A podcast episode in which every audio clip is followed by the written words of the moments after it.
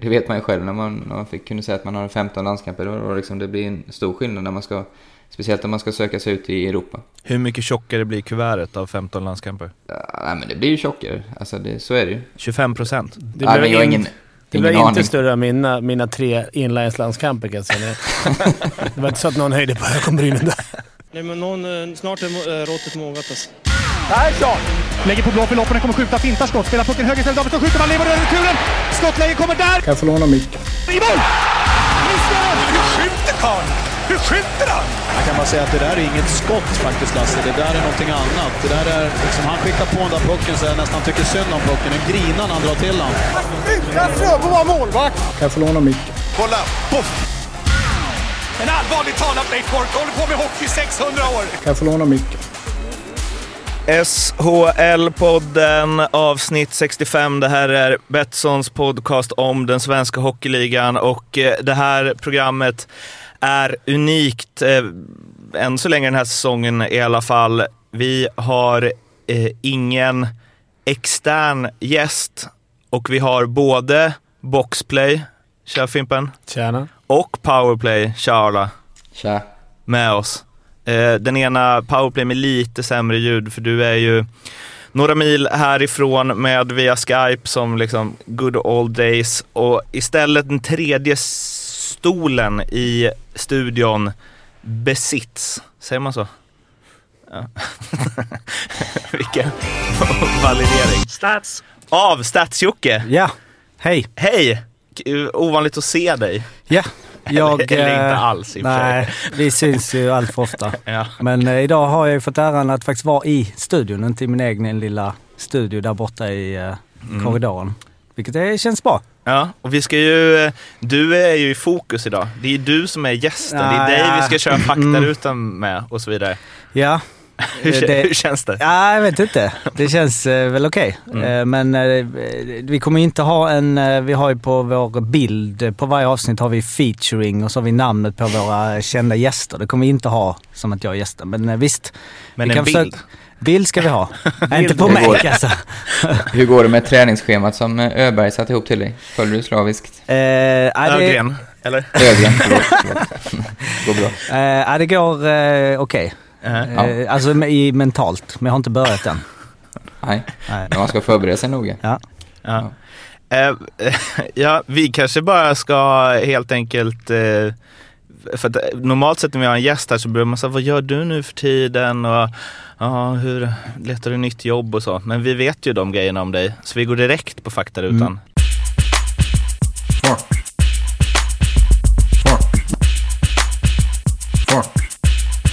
Fuck. Rutan. Och där blir det ju, vill du ha den som är till journalist eller till före detta spelare? Före detta spelare.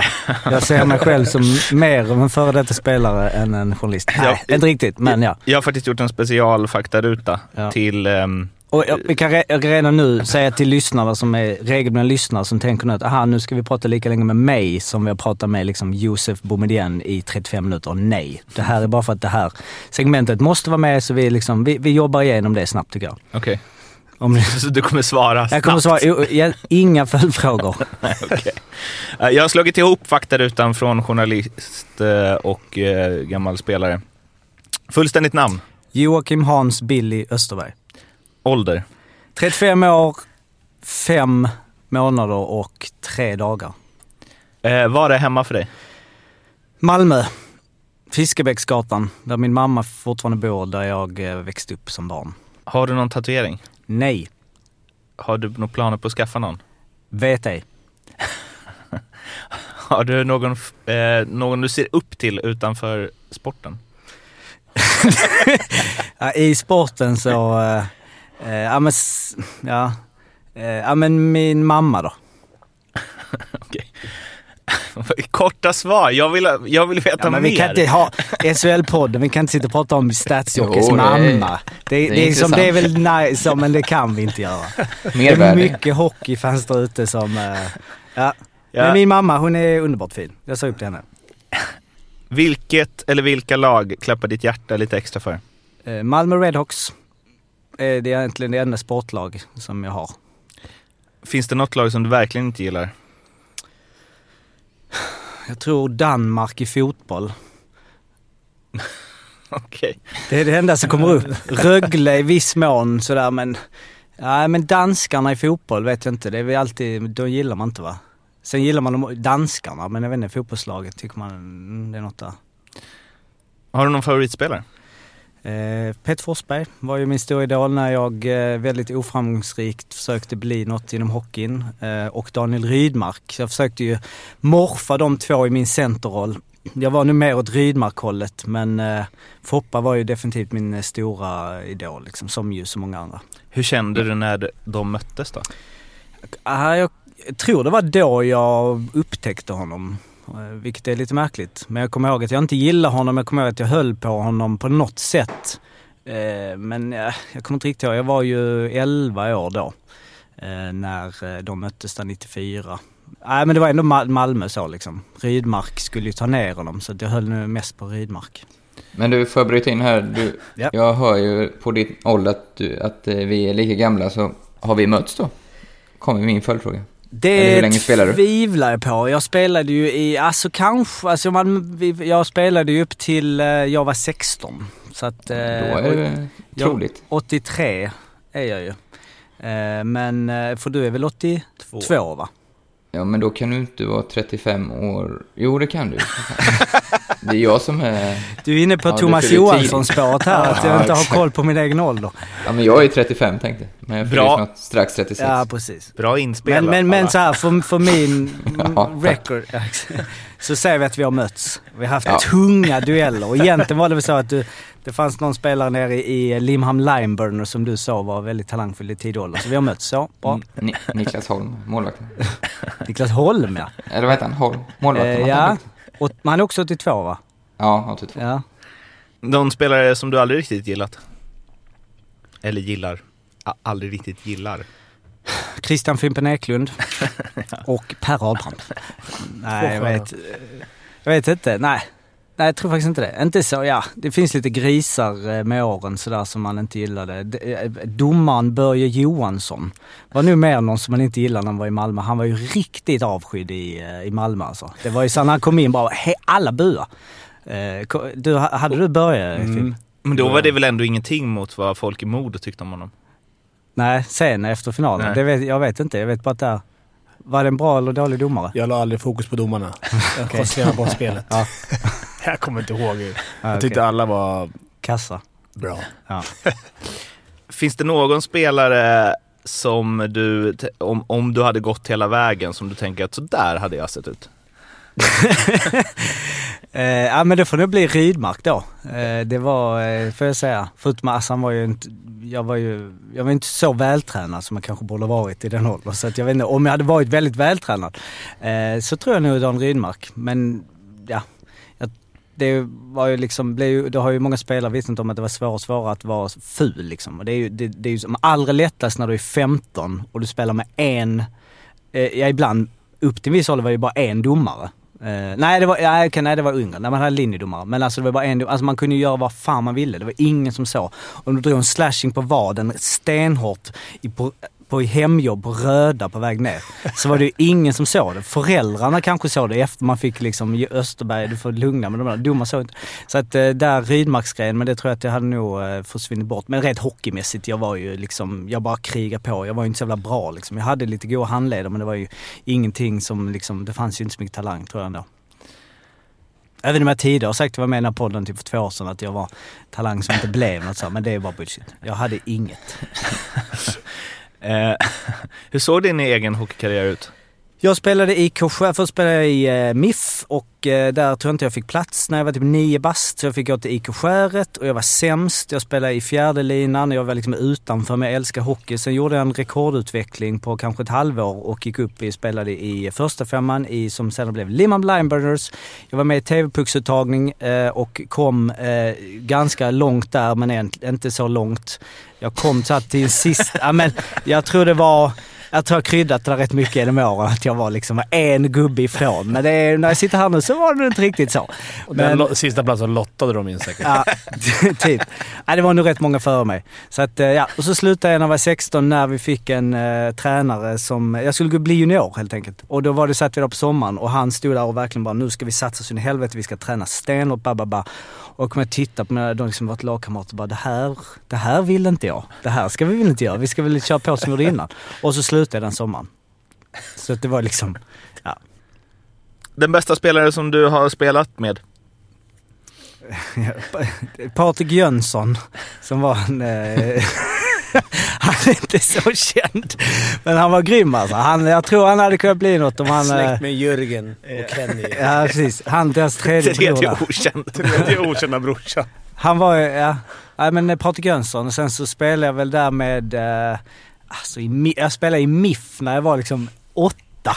Så var det ju... så var det, jag ska säga, var det någon som gick till elitserien ens? Nej. De, de kom ingenstans. 83orna, det har vi varit inne på innan, det är urusel årgång. Så att, eh, nej. Men däremot jag kan hoppa för det, det bästa bästa jag mött. mött? Ja. Ja men då var det ändå lite, Nils Torp var ju 84 och han spelar ju med äldre så de mötte vi alltid. Eh, men sen var det nog inga andra där som gick något. Johan Björk eh, var ju också med eh, ofta där och så var det Jens. Olsson, vänta han 84 också? Men vadå, André? Och André, ja, Jens- ja. Olsson, nej jag kommer inte ihåg, men han, är han, spelar han i Malmö då redan? Ja, kanske han inte gjorde. Ja, jag vet inte fan. Jo. Är han Hans moderklubb. Ja, då kanske han var med där. Jag kommer inte ihåg det. Ah, Och André var ju den bästa. André var ju helt sjukt bra när vi var liksom 11. André Persson då som han hette. Han var ju otroligt bra. Han var ju lika bra som Gretzky berättade han ju. Mm. För någon- Vad gjorde, vad gjorde han? 15 mål i någon match eller vadå? ja, minst. Åtta. Ja. Mm. 15. 8. Eh, Har du, hur många frågor har du kvar nu? Det kan nog stämma ja. det här kommer inte Hans- med. Det får Nej. du säga. Vi fick ett inspel Ja, här okej. från ljudtekniker Daniel. ja. Att Att han är andra tränare i Vidovre fight, fighters. Fighters. Fint. För att hans pappa... Patrik Jönsson alltså. Patrik Jönsson. En shoutout till dig eh, Pada, om du lyssnar. Hans pappa eh, var ju också tränare då, Ronny Balla Svensson. Han var riktigt hård tränare alltså. Eller han var jävligt, han gick där. Ball. Balla. Balla, balla, balla. SHLs eh, bästa spelare. Joakim Lindström. Eller jag vet inte om han är så, jag har, alltså, helt ärligt inte sett så mycket det här året av eh, Lindström. Men det känns som att han är bäst. Säkert men eh, Jakob men- Josefsson är det kanske ändå. Och världens bästa spelare. Eh, Conor McDavid. Ja, en snabb faktaruta. Bra, bra jobbat. Yes. Jaha, Fimpen Arla. Hur känns det att ha lärt sig mer om Stats-Jocke? Ja, mycket bra. Man har bara haft ett, eh, en röst förut. Nu får man se den i studion. Arla, du Ja. kände som att du var extremt eh, på hugget här. Ja, men jag är kul att få, eh, få veta mer om människor man känner lite så här ytligt. Så det, jag var spända öron här hemma. Eh, fint. Spetsade öron kanske man säger. Spända öron. Det är något annat. Spänt upp dem. Ja, eh, vi brukar ha ett svep också. Det hade vi inte förra gången, kommer vi inte ha den här gången heller för att vi kommer ju prata mycket, mycket mer aktualitet än vad vi gjort när vi till exempel haft PT eller för detta sportchef eller så. Här. Eh, så vi skippar svepet och går in på de grejer som hade varit med i det här svepet. Börjar med Karjala Cup. Sveriges Spel behöver vi inte säga så mycket om för att dels ett, vi har inte sett så mycket, en period tillsammans. Och det gick inte så bra heller. De vann i och för sig mot Tjeckien i första matchen men sen torsk mot ryssarna 4-1 och torsk mot finnarna 3-0. Totalt utspelade i andra perioden, sa min pappa när jag frågade hur det såg ut. Det kändes inte som eh, den här truppen var lite... Alltså de, de från Europa som var med, det är de som har lite VM-chans. Dock har ju Grönborg så bra kontakt så det är nästan ett nödlag. Men, men sen utöver det var det ju väldigt...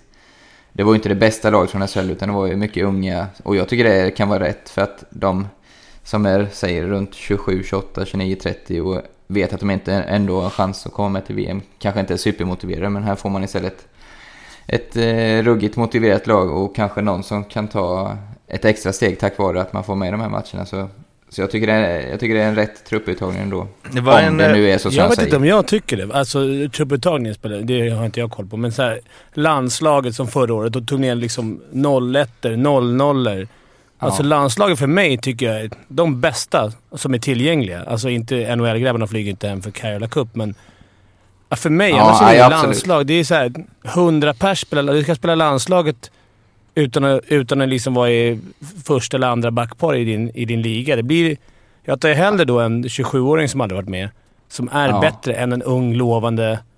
Jag tänker väl fel. De tänker Men- väl utveckling. Nej, men jag- vadå? För han drar jag väl ändå till. NHL sen liksom? Ja, den unge, men jag tänker att det, bra. Visst att det är utveck, bra för utveckling, men, men eh, det skulle vara något fint. och Jag fick aldrig dra på mig den tröjan. Jag hade gjort vad som helst för att göra det när jag var 27-28 om jag hade varit så bra. Jag hade blivit Mm. förbannad om det kom en... Ja, vi ska satsa på tre 20-åringar bara för att de ska få chansen här och, och visa upp sig. Det är lite som, eh, det var ju ett, det är lite så januari-turnélag. Ja, känslan är det. Alltså jag menar som Jesper Sellgren, Linus Arnesson, inget ont om dem, men de hör ju inte till de eh, åtta bästa backarna i Europa. I, I min bok i alla fall. Ja, det är inte så många unga dock. Alltså just den tesen som Fimpen kör att det Ja, skulle men vara massa- förra året, i Ja, slutet förra, på... precis. Men det är ändå, det är väl, jag inte om det är ännu mer då, för varför ska de spela? Men de två, de, de yngsta spelarna är ju då eh, Jonathan Davidsson 97. Eh, ja, han är yngst och 97. Sen den näst yngsta är 94. De var iväg själva på... alltså. Ja, Eh, små- nej, 98. Förlåt, Jesper Sellgren är iväg, va? 98. De är iväg själva, så det är Ja, inte så konstigt. Men, ja. men eh, i övrigt tycker jag att man inte ska... Det är klart man ska testa spelare, men... Men- det ser inte att det var just så i den här turneringen, men jag kommer ihåg, det, jag kommer ihåg i förra årets avslutning att man... Att det var killar som var 17 år som var uppe och... Det tycker jag är lite hån mot typ Högström. Som ändå var rätt bra. Men, men eh, alltså Hardy hade ju Tre Kronor när han hade Djurgården och du spelar i Djurgården, eller hur? Ja. Är det den största dissen att inte bli uttagen i landslaget då? För att alla i Djurgården gjorde väl typ Ja, men jag, jag, kom dit, eh, jag kom dit året efter. Ja. Jag hade Hardy efter det. För att där var det ju spelare som man, även om man har sett Djurgårdens matcher, knappt hade koll på som sen kom med i landslaget. Johan Finn Olsson. Exakt! Vad Typ. fan var det alltså? Ja men det är ju samma sak där, men det är, det är klart de har väl en plan. De Alltså väl- det var som att, det, Jonas Finn Olsson är säkert liksom superkille, men det var som att ta bort det, det var som att ta bort en krona. Två kronor blev det. Oh, Hittepålag. den var, oh, den var hård. Ja, men, alltså det var ju så. De som Ja. spelar i fjärde kedjan i Djurgården blev uttagna i landslaget bara för att de kunde spelsystemet typ. Ja. Ja, Jag, jag, jag sitter här och jag, jag ändrar mig fan. Jag håller med Fimpen när han säger så. Jag, tycker det, jag sa att det var rätt innan, men jag, jag, tycker, jag håller med. Det ska, de bästa ska fan vara, om man, om man verkligen vill vara med, så ska du inte ta hänsyn till att inte spelare innan har varit med som ska få chansen, utan de bästa ska spela. Jag håller med, jag ändrar mig. Men hur går snacket? Vill de vara med? Eller är det någon slags som eh, inför eh, ja, men NHL-proffsen med VM och bla bla, att det är så ah, men du behöver vila och du behöver fokusera på SHL och... Jag tror 90% vill nog vara med i alla fall. Sen är det väl alltid någon som kanske känner att man ändå inte har chansen som har, har gjort sitt tycker jag. Men jag tror de allra flesta skulle, som Fimpen sa, göra vad som helst för att dra på sig den här tröjan. Men hamnar man inte också om man tar ut, återigen med all respekt, Jesper Sellgren och Linus Arnesson, om man tar ut dem så kanske det gör att de som borde vara uttagna vill vara med mindre. Ju. Alltså om man vattnar ur betydelsen av att dra på sig landslagströjan så är det ju mycket lättare att tacka nej. Ja. För att det är så här, alltså återigen januariturnén i fotboll, det är ju många spelare, många svenska fotbollsspelare som har landskamper i sig, men bara för att ljugarbänken då, Mattias Lindström liksom, han, han har ju tre landskamper. Kings Cup, Mm. Thailand. Alltså, vad, vad, jag vet inte, det blir så konstigt att man tar ut spelare som inte Men där, är- där är det så uttalat att det, det här är ett B-landslag. Alltså nu tänker jag fotbollen, januariturnén. Ja. Så riktigt så är det ju inte här från Grönborgs sida tycker jag. Eller har ni hört att han sagt så? Nej, men det här landslaget var rätt roligt för han tog ju Lilja och...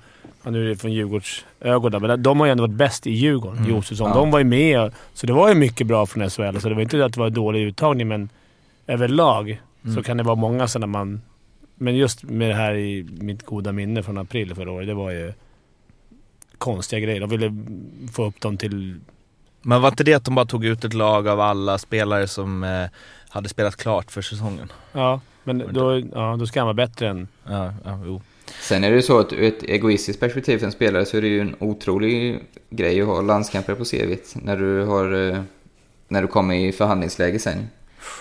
Så, eh, det är nog, det, det vet man ju själv när man, när man fick, kunde säga att man har 15 landskamper. Då, då liksom, det blir en stor skillnad när man ska, speciellt om man ska söka sig ut i Europa. Hur mycket tjockare blir kuvertet av 15 landskamper? Ja, nej men det blir ju tjockare, alltså det, så är det ju. 25 procent. Det Nej, blir in- ingen, Det ingen blev aning. inte större än mina, mina tre inlineslandskamper kan jag säga. Det var inte så att någon höjde på ögonbrynen där. Men när du gick till Schweiz så var det en ganska bra grej att ha eller? När man ska få Ja, det tror jag alla. Jag tror, jag tror inte schweiziska lag eh, värvar många svenska spelare som inte är med i landslaget. Men, men jag bara, får jag kolla igenom nu på, alltså poängligan i SHL. Så de bästa svenskarna är ju i poängligan är ju Lilja, Josefsson, Brodin och sen kommer sådana här namn som liksom, ska man ta ut, och jag vet inte om de är så bra, men, men de är ändå i toppen av poängligan. Tedenby, Joel Lundqvist, Ted Brithén. Alltså det är det, de är liksom, de har ju varit med så många år nu. Ska de då vara med, vilket för det är ju någonstans det det blir, om, som du säger Fimpen, att så här, det ska vara de bästa. Men jag vet inte, typ Joel Lundqvist, det var det jag menar att han lär väl liksom säga till Grönberg, fan du.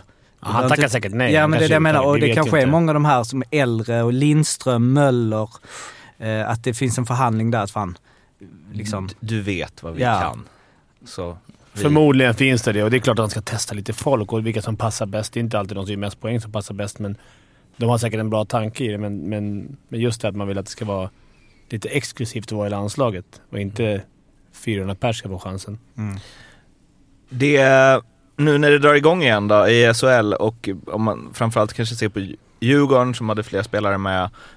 Spelar det någon roll att så många spelare försvinner under ett uppehåll?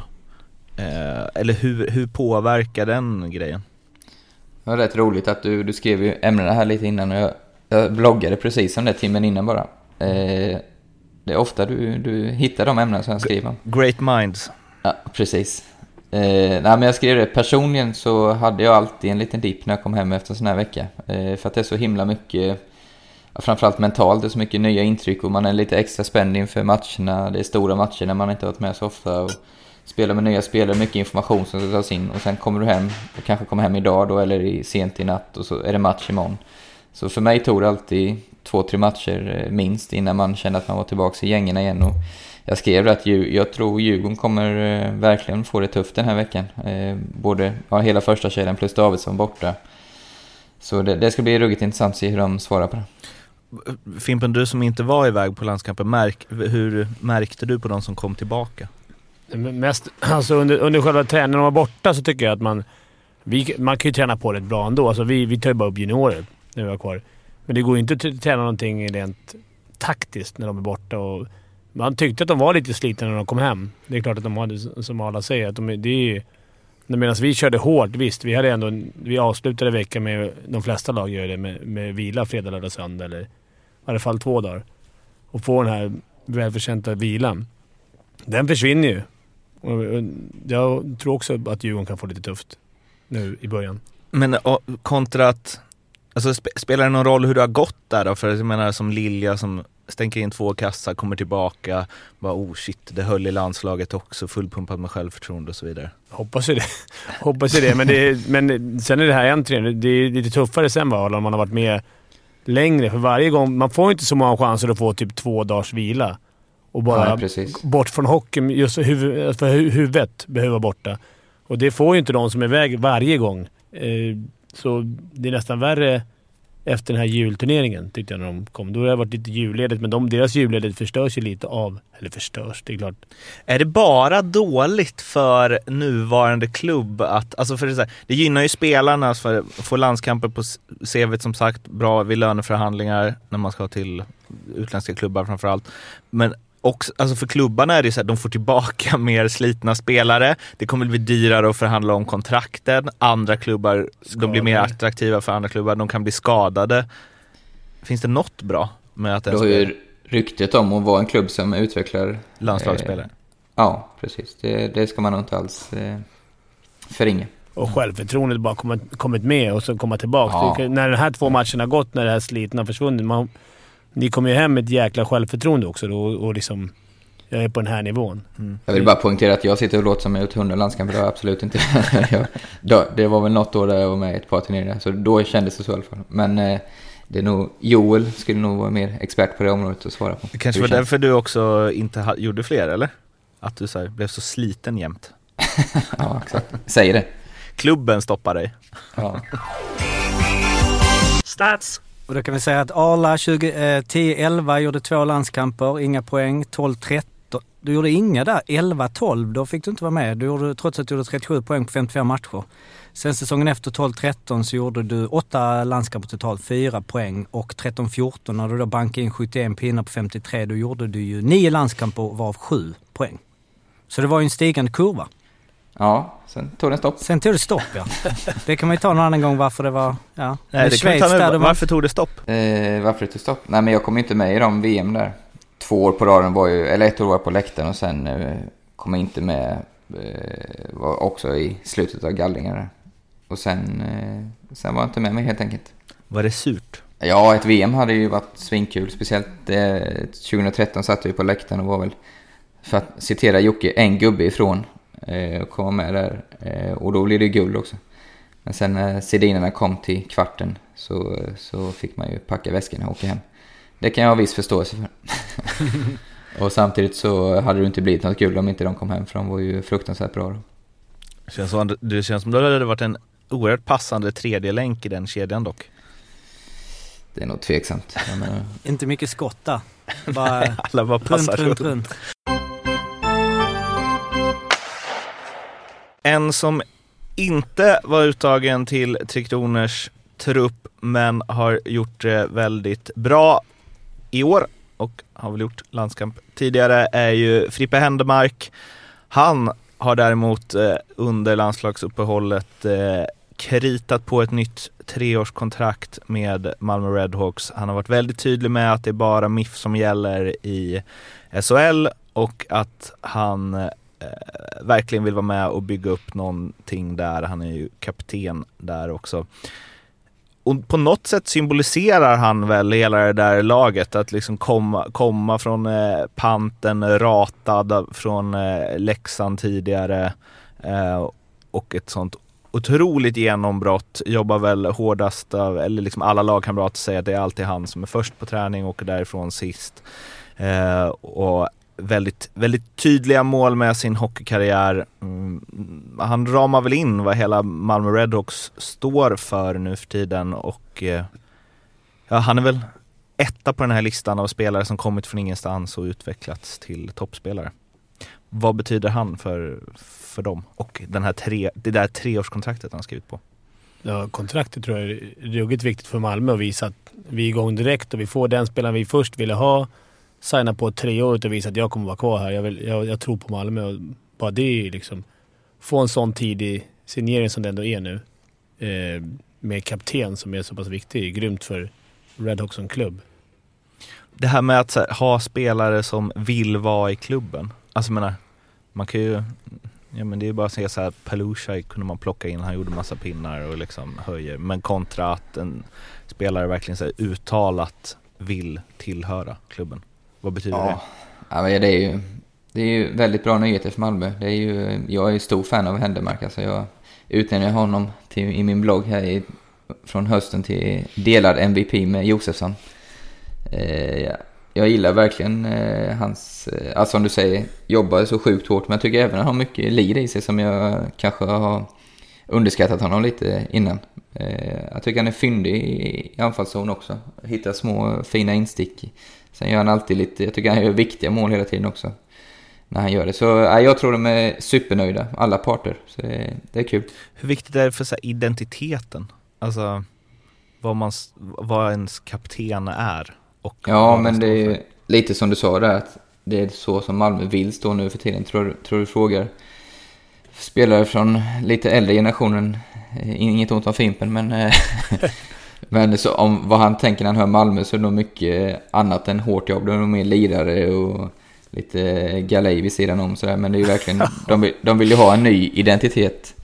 Och det, då är det ju, det är verkligen kärnan det här att börja med Händemark, så det, det är bra gjort. Men om vi går tillbaka till den gamla goa tiden, då har du allt möjligt. Då har du ändå din Mats Lust och du har din Robert. Svela och din Rydmark. Ja, det är sant. Men det är några år sedan. De var stjärnor på och utanför isen.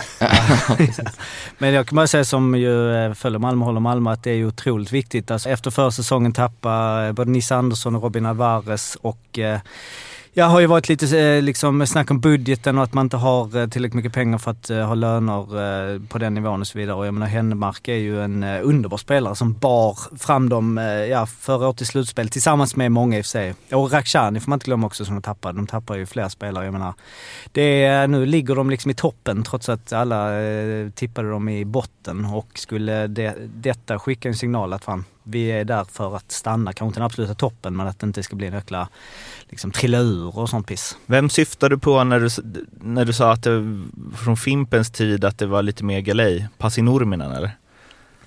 Ja, det vet jag inte. Jag har syftat någon speciell. Men det var väl någon säsong, jag, jag kommer ihåg att prata med Carl Söderberg, spelare. Jag tror han har räknat ihop, ja nu kan siffran, men det var, var typ över 50 spelare som de hade under en säsong som hade spelat A-lagshockey. Var inte det det proffs? Eller var inte det lockout-året de hade? Det var en Det ny, kan nog varit. det var ny spelare varje dag nästan. Ja, det var ju... Det Det var vet skicka väl. Stats-Jocke bättre kanske. Det, det finns många namn där som eh, togs in kortsiktigt. Många goa finnar. De hade, vad hette han, backen som kom in. eh, Gjorde väl bara åtta matcher skadad.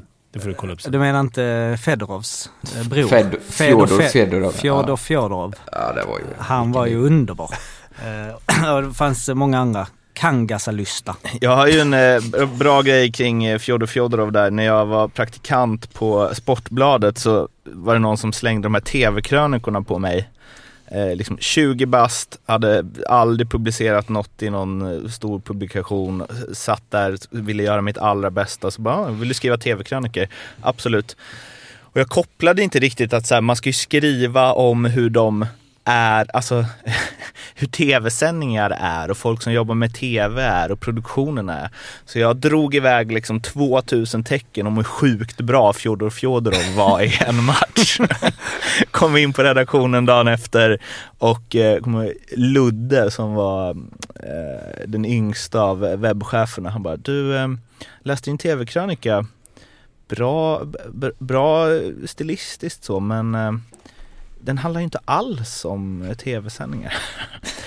Nästa krönika jag skrev hade rubriken Jonas Karlsson är en papegoja för att jag skulle ta igen det.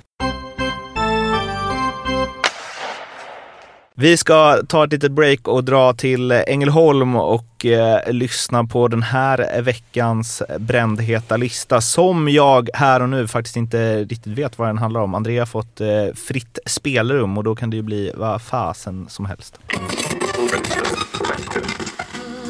Hallå hockeykompisar! André Brännheden är tillbaka. Det är en ny vecka, det är ett SHL-uppehåll som lider mot sitt slut och det är en ny brändheta listan. Idag har jag halkat in på utrustningstemat.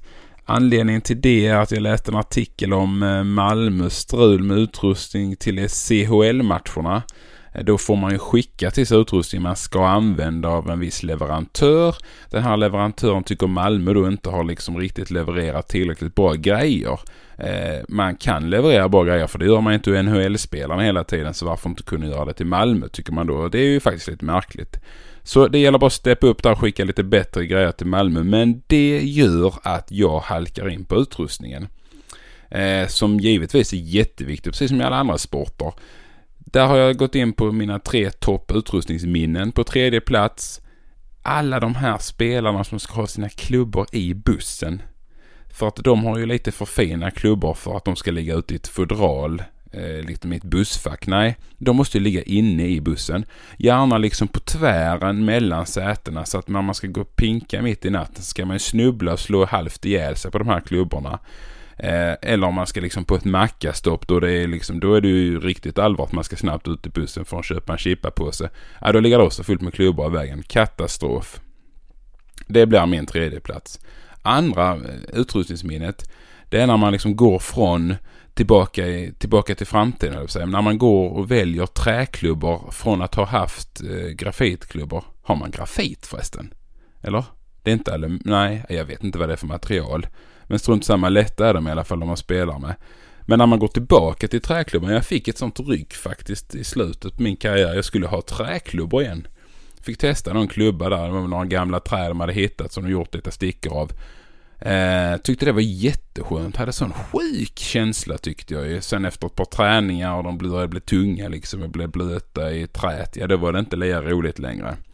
Så träklubbans återkomst får vara min liksom punkt två. Fidde var ju inte helt nöjd som materialare när han hade beställt hem ett rätt så bra lass med klubbor som vi bara liksom fick skicka vidare sen. Men så är det. De var ju prisvärda. På första plats helt klart Rebellion och deras vita handskar och skridsko som, som fanns liksom på 2000-talet. Det är det absolut läckraste jag någonsin har sett. Jag hade vita handskar. Rebellion köpte in ett par handskar till mig som jag körde runt med i division 1 i Tyringe. Eh, Växjöklacken skrek ju den en gris, en ko en Tyringebo så det bara ekade hela hallen. Jag glänste ändå med mina vita handskar. Emil Kurberg fick mycket skit. Han glänste ändå med sina vita handskar. Han hade ju till och med skridskorna också. Nej, de var för snygga. Och det ganska liksom först ut med att sticka ut sådär snyggt på något vis tyckte jag.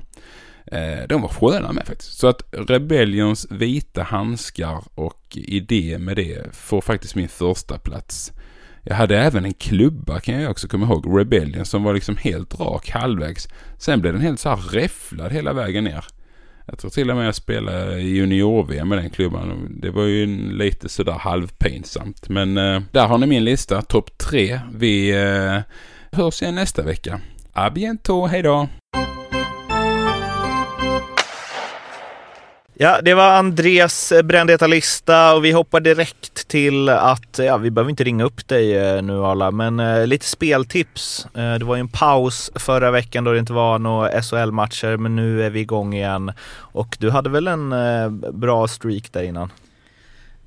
Ja. Eh, Eller helt okej okay, i alla fall. Jag har hört att Fimpen har köpt nytt hus, eller har jag sagt det? Nej. Det sa jag förra gången va? Nej. Men det var ju ingen förra gången. Attefallshus. Det bara känns som att jag sagt det här förut. Jag tänkte skryta hur bra formen är.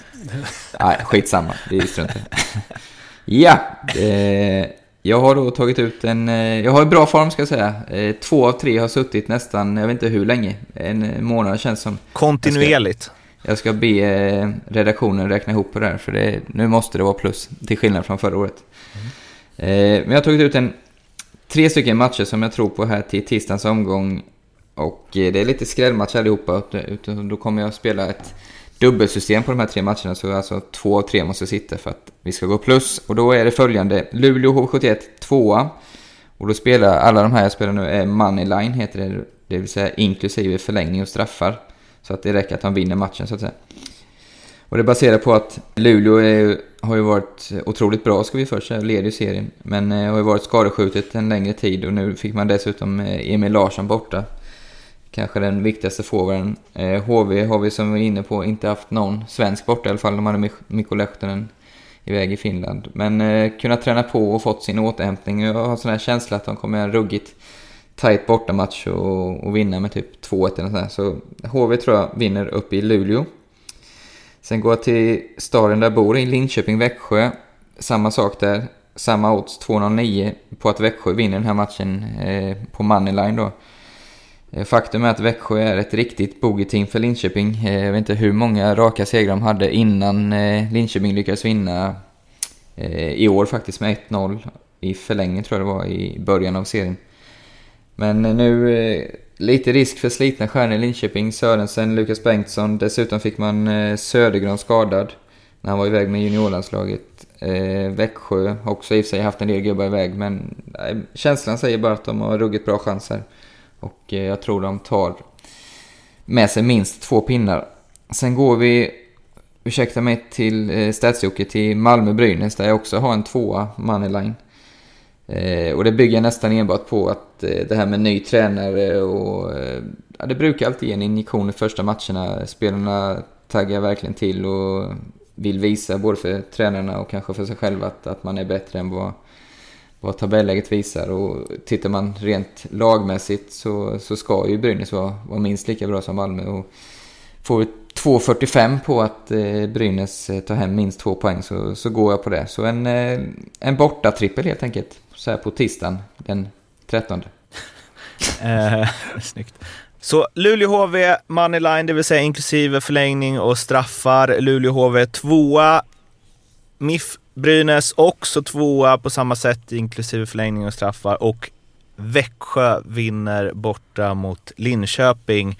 En tvåa där också, också inklusive förlängning och straffar. Fick vi det rätt va? Stämmer. Fint. Och vill ni lira på detta så går ni alltså in hos Betsson så hittar ni alla odds etc. där. Sen kan man också gå in på solbloggen.se och surfa in under vadå eller? Det är ju önska mitt spel va? Och där du själv kan sätta ihop ditt eh, spel. Riktigt rolig funktion. Och så blir ditt spel utvalt så får du då 100 kronor riskfritt spel på Betsson. Det har ju skett en del värvningar under det här landslagsuppehållet och eh, vi ska väl eh, lite kort gå igenom dessa eh, och då har vi ju Patrik Virta till Örebro. Han gjorde det väldigt bra i TPS Åbo förra säsongen då han gjorde 40 poäng på 58 matcher. Han var assisterande kapten där. Drog vidare till KL, Slovan Bratislava där det blivit 2 plus 7 på 21 matcher och är nu alltså klar för Örebro. Eh, hyfsat eh, kortväxt center slash eh, höger forward. Eh, bara 22 bast som sagt draftad i sjunde rundan 2017 av New York Rangers. Känns som en, eh, på förhand som en bra värvning. Eller man, man blir nyfiken eftersom man är så ung. Ja, men jag vet lite för lite om honom, men det, det låter ju som när du pratar som att det är... tycker alla låter bra när du pratar. men en ung... Ja, men har man liksom, visst, finska ligan är väl inget att hänga högst upp i julgranen, men det är ändå 40 pinnar på 58 matcher. Ja, absolut. Ja. Det, är en, det är en bra värvning att hitta något. Ja, jag tycker finska ligan generellt sett lite undervärderad i Sverige. Jag, jag tycker det är en bra liga, så speciellt de bästa lagen ser vi ju i CHL också. De svenska lagen brukar ju ha fullt upp med dem. Så, eh, så det är 40 poäng där, tycker jag. det är vasst. Han spelade ju med eh, Ilari Filppula eh, den säsongen.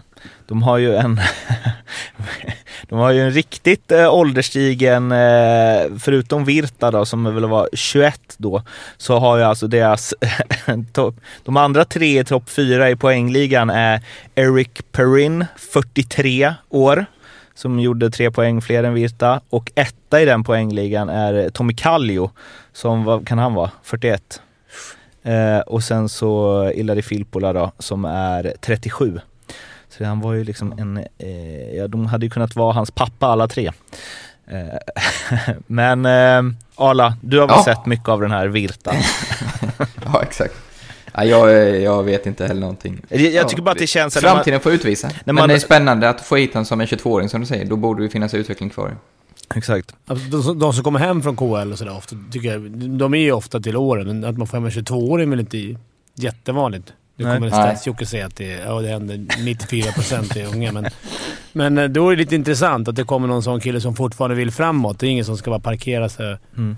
i Örebro och etablera, utan han, han vill därifrån sen. Så han kommer göra bra ifrån sig tror De jag. har väl hyf- haft det hyfsat bra med finländare i Örebro också. Eller jag har väl liksom så här Manninen färskt i minnet. Det här kanske kan bli en eh, ny lekkamrat till eh, Sallinen. Sallinen, exakt.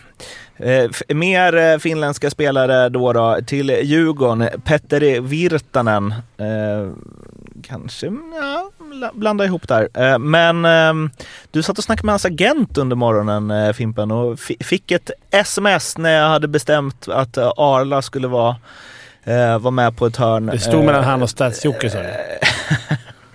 Virtanens agent eller Stats-Jocke. Eh, och eh, ja, vad vet vi om den här? En, en betydligt äldre finländare ju. Ja, jag frågade. Det var lite kul att kolla med... Alltså jag, jag, det, jag, det jag har hört av honom är ett duktig defensiv center som har, har lite skägg om man säger i ett slutspel sen. Som kommer. Det är kontrakt är ju året ut, så, eller säsongen ut. Djurgården just nu är väl inte jättebehov. De har ju unga killar som kommer upp och, och levererar bra när de är med. Men i ett slutspel kan det vara bra att ha någon som har varit med lite och kan ta den här defensiva rollen som Ante kanske eller han är inte defensiv, men han kan göra både och. Mm. Han hade ju eh, gjort 11 poäng på 17 matcher i år i just eh, TPS Åbo. Hade mellan eh, 2010 och 2015 spelade han kontinuerligt i eh, landslaget, eh, samlade väl ihop ett 50-tal landskamper där. Tidigare assisterande kapten och så vidare, en ledare att döma av statistiken. Det som är mest intressant med det här är ju ändå nästan, vad, vad säger det om eh, Andreas Engqvists status? Att han inte kommer spela så mycket mer, tror jag. Jag hoppas att han gör det, men det känns som att de har backat upp i alla fall, ifall det blir så. Är det din känsla också Arla? Ja, tyvärr. Ja, Fimpen vet nog mycket mer, men eh, känslan blir ju så, självklart. För det, om han skulle kunna spela, då har de ju, de har ju en otrolig bredd på forwardsidan, börjar få. Ja, det är inte fel heller, men just det, jag, jag tror att de har tänkt framåt. Han ska kunna hålla dem kvar. De, de har redan bra spelare, men just i ett slutspel, du vet ju själv hur det är. Det är, det är, ändå, det är skönt att ha några äldre som kan gå in och, och bara göra lite, lite skit. Det känns som en sån finne som du ställer in och bara kan plocka bort eh, deras första lina. Mm. Sen, Bara sticka in här också, förlåt. En, eh, en Mo- Mora har även värvat en ny målvakt, kom alldeles nyss här. Eh, Janne Juvonen, på tal om finnar, är klar för, för Mora. Eh, antingen då vet jag att Engstrand haft lite skadeproblem med hjärnskakning där. Eller om han inte helt enkelt tycker de är tillräckligt bra, han och Isak Wallin. Så det, det är också spännande. Värvar de någon som har 89,4 i räddningsprocent under 10 matcher i Innsbruck. Den är... Ja. Såg man inte komma. Det är ingen garant, skulle jag Kanske säga. är mer då att Engstrand inte ser så bra ut. Alltså med skademässigt menar jag. Stats. Ja, men jag ville bara följa upp det här med att eh, dels där lite på tal om papper och finska ligan att den som leder den finska poängligan i nuläget är ju Johan Strömvalls son, Malte Strömvall. Mm. Som har gjort 22 pinnar på 19 matcher för Kuku. Alltså, och, och lite mer om det. Alltså han Eric Perrin, 43 år.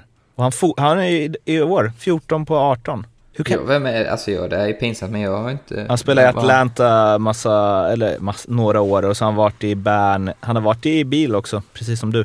Fast han Aha. gjorde noll matcher där. Nej, han gjorde ett slutspel. Ja, man kan Eh, och eh, Omsk i KL, Tampa.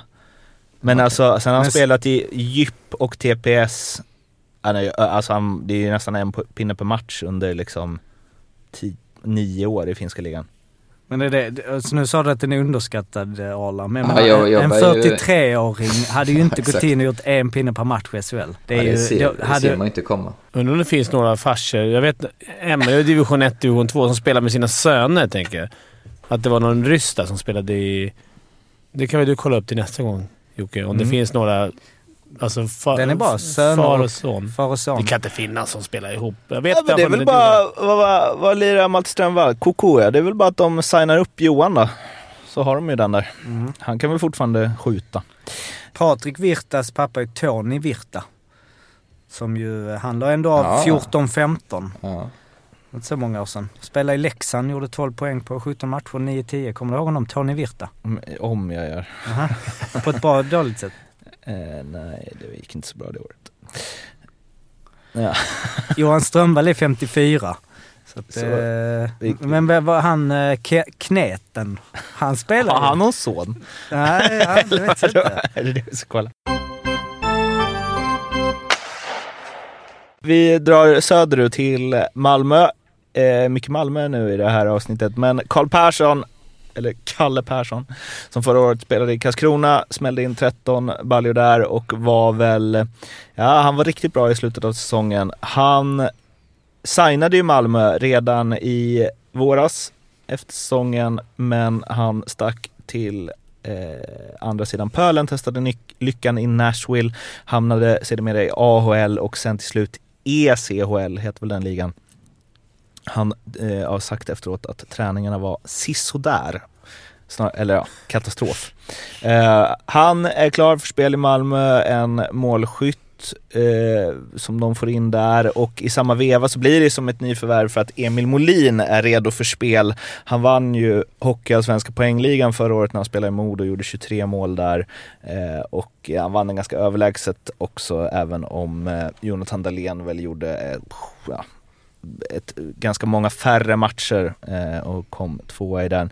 Men Malmös, vi har ju varit inne förut att de kanske saknar lite offensiv spets. Nu får de in Karl Persson, de får in Emil Molin. Spelare som kan göra poäng i alla fall om de får rätt omgivning och rätt push och så. Vad tror ni att de kommer betyda för MIF? Alltså jag kollar Malmös forwardsuppsättning. De har, de har 16 forwards nu. Eh, och det är liksom, jag kan inte ta bort fyra stycken.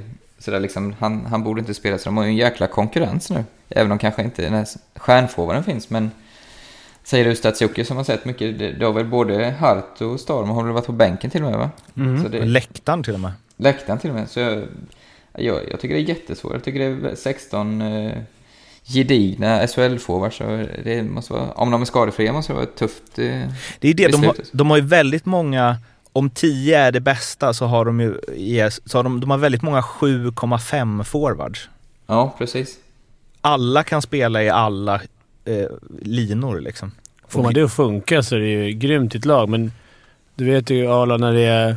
Man är, man är, även fast man är hockeyspelare ska man ju räkna till 12. Man vet ju hur många som kommer få spela av forward, så är, Ja, precis. vet, du, är, det, är det för mycket folk på rosten så... Det finns ju de som börjar bli oroliga och det kan vara lite osäkerhet i, i leden. Men det- får man det att funka är det grymt. Vi körde något år på fem ytterforwardspar med Hardy, men, men ja, det ska ju finnas sådana spelare då.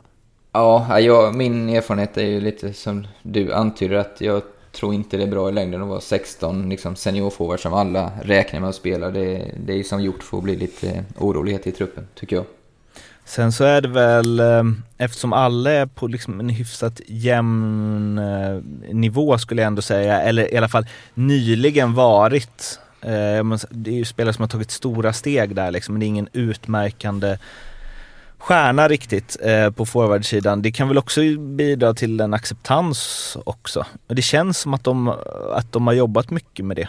Att så här, man ska inte gnälla, man ska dra åt samma håll. Att det är lite det Ja. Peter Andersson gjort liksom. Får man det att funka som sagt så tror jag det kan bli grymt. Men jag, jag har olika erfarenheter av det. Att det kan ha varit både gnälligt och när det funkar är det grymt när alla bara går in och kör. Men det är väldigt svårt att få till. För till slut så kommer folk som vill spela inte få spela och få den tid man vill ha. Ja. Och det är svårt att låna ut dem också till Allsvenskan. Men de, de lagen får bara göra två lån per, per säsong. Så det är inte bara liksom kassaspelare som det var förra året. Ja, det är otroligt jämnt. Alltså, det är ju helt sjukt jämnt. Alltså, om man tänker, tittar på antal mål. Marcus Sylvegård har gjort 6 på 14. Sen så kommer det 1, 2, 3, 4, 5 spelare har gjort 3. 1, 2, 3, 4 har gjort 2. Och 10-ish har gjort ett mål. Det är ju ganska anmärkningsvärt egentligen för ett lag som ligger i toppen av SHL att det är liksom en gjort 6 och sen så har resten gjort 3 eller under. Många som bidrar ja. alltså. Ja, det är ju... Ja, det är ju båda sidor av myntet där. Men om vi tittar på, på forwardstruppen här, vilka har vi som är helt, helt givna? Då får ni hjälpa mig, men Händemark är ju helt given, skulle jag säga. Komarek i form av sin centerroll, va? Storm har ju Ja, varit... han har ändå... Ja. Ja. men han... Ja, det beror på vad du menar med helt given. Eh, Jag kommer inte ihåg exakt alltså omständigheterna han blev petad, men han har ju varit lite ur form. Jag skulle ändå... Han är ändå ett av de första. De hetta är, har ju med sin energi, är ju en, också en spelare som jag skulle sätta i de första nio forwardsnamnen. Johan Mm. Olofsson är väl också... Bröderna Sylvegård har. Sylvegårdarna. Men, men det, är, ja, det, är- det är tufft som Snabbt sagt. uppe. Och det, Ja, då har du ändå Brygman, Forsberg, Görtz, Niklas Hart. Hart, Janholm, Görtz! Emil Molin, Karl Persson, Kim Rosdahl, Ja, alltså, då har ju alltid som en gjorde fjär... så bra förra året. Ja, det är och du har alltid fjärdelina där med Rosdahl, eh, Kristoffer Forsberg som är sjukt underskattade som bara är inne och gnuggar. Ska du få igång Molin och, och Kalle Persson när de kommer hem. Alltså, de, det är ju sådana spelare som behöver få spela. De som är poängmjöre, de behöver ju faktiskt få spela mycket i powerplay. De behöver få spela i offensiva lägen. Annars får man ju inte ut det av dem. Och Emil Molin, han gjorde ju... Han började ju bra innan han blev skadad. också. Ja, exakt. Eh, Och liksom två, två pinnar, eller två mål på fem matcher och så vidare. Där har du, han var ju riktigt bra i Modo i fjol. Men där är det väl lite i den här, det har vi diskuterat många gånger, att man får samma roll Mm. på en hög nivå. Ja, men det var ju precis det Fimpen sa, att han, han måste ju ha en hög roll högt upp i hierarkin för att bli den eh, spelare som Malmö vill och hoppas. Det är alltid kul efter uppstarter och sånt, för det är alltid något lag som liksom chokar helt efter, efter en sån här landslagsuppehåll och så kommer in och så bara “Vad har hänt med, vad har hänt med dem?” Mm. Och det är alltid något lag som får en nystart och Det ska bli kul att se, bara för att vi ska nämna Karl Persson då. Han var ju väldigt bra i ett väldigt dåligt lag. Eh, ett väldigt dåligt lag. Och eh, nu ska han mm, försöka vara bra i ett betydligt bättre fungerande lag. Ska bli intressant Ja. att se vad han kan ta för steg Och där. dessutom gjorde han väl säkert, han gjorde väl 23 poäng förra säsongen. Han gjorde ju säkert 20 av dem senare hälften, för han var ju, fick ju knappt spela en bra bit in i serien. Eftersom eh, vi, att vi har stats i studion eh, och han har varit med under hela programmet så blir det ingen Stats-genomgång den här veckan utan det är du tillbaka med nästa vecka. Men ett quiz som sig bör Mm. kör vi istället. Då kör vi quiz istället då. Quiz! Okej, eh, nu är det ju äntligen, eller änt, liksom, eh, Arla är- är med då och Fimpen och Mårten. Det är första gången som jag inte behöver liksom, eh, ja ni har varit med. Ja, vi har varit med. Ja, eh, och eh, vi kommer köra 10 till 2 poäng. Det är en spelare. En, en, om Arla tar det på 10 så kan ju han kan ju sitta och googla utan att vi vet Ja, det. men vi litar Sån är på inte jag. Arla är inte sån. Detta är, och vi måste börja föra statistik på det här. eh, Ja, vi får lyssna igenom. Men jag tror att om vi ska ranka det så har Arla varit svingrym, Fimpen superdålig och jag någonstans mittemellan. Mm, du har imponerat några. Du tog väl någon på 6 och någon på 8 till och med. En 10. Jag tio. imponerat med gissningar. Jag gissar på Ja. 12 ändå, men jag har inte haft rätt. Ja. Det, men, Framförallt Speciellt eftersom finns börjar på någon 10. tolv. Eh, Men okej, kan du, ja, du får jättegärna gissa när, när du vill men kan du ha lite, du får gärna ha lite is i magen så att det blir lite... Så, ja, Is i magen. Eller, nu har jag förstått reglerna. Ja, Kör gör vad fan ni vill. Okej, 10 poäng. Han är född i Stockholm 1983. 2001 draftades han av Detroit Red Wings som nummer 157. Förra säsongen avslutade han karriären.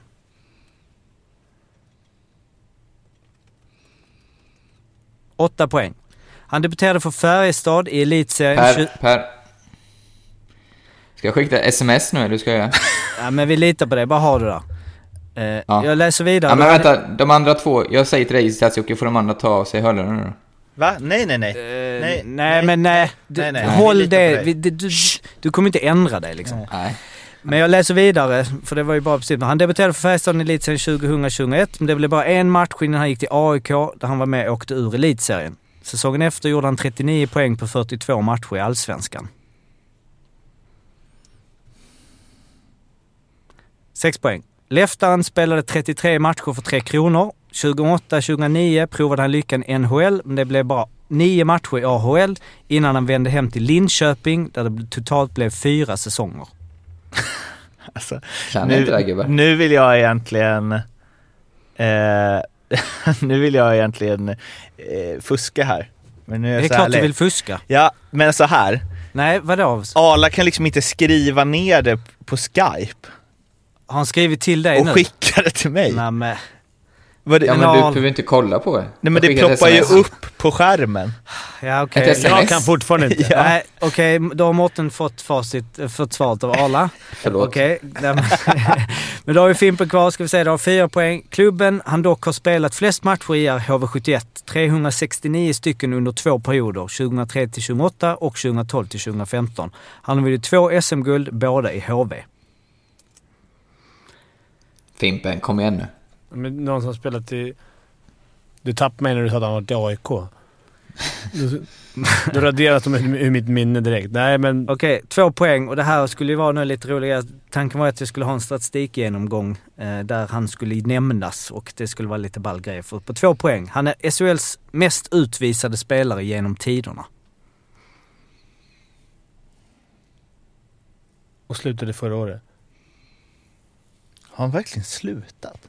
Ja, det... Spelar inte han i Sheffield Steelers? Ja, han spelade där förra året. Han spelar, han avslutar, eller... Han spelar inte nu. Jag- jag- jag- jag han har väl inte officiellt sagt att han slutar. Ah, Okej, Det- jag gick bara på lite prospect där.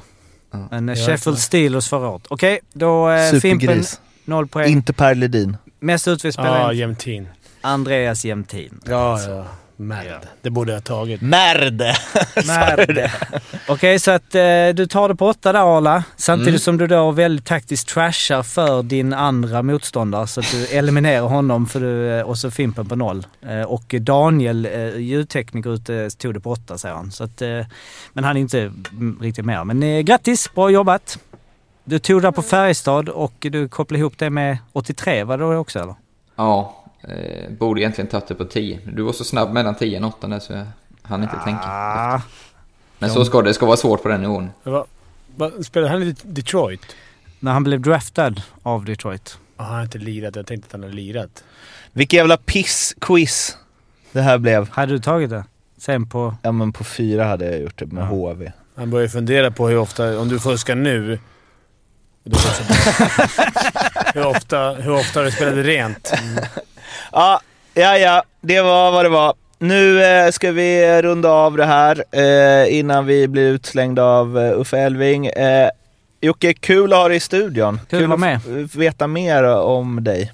Mm. Ni kan ju skriva in till solpodd.gmail.com och klaga på Mm. eh, innehållet, eller på gästen. Kollar du den ofta?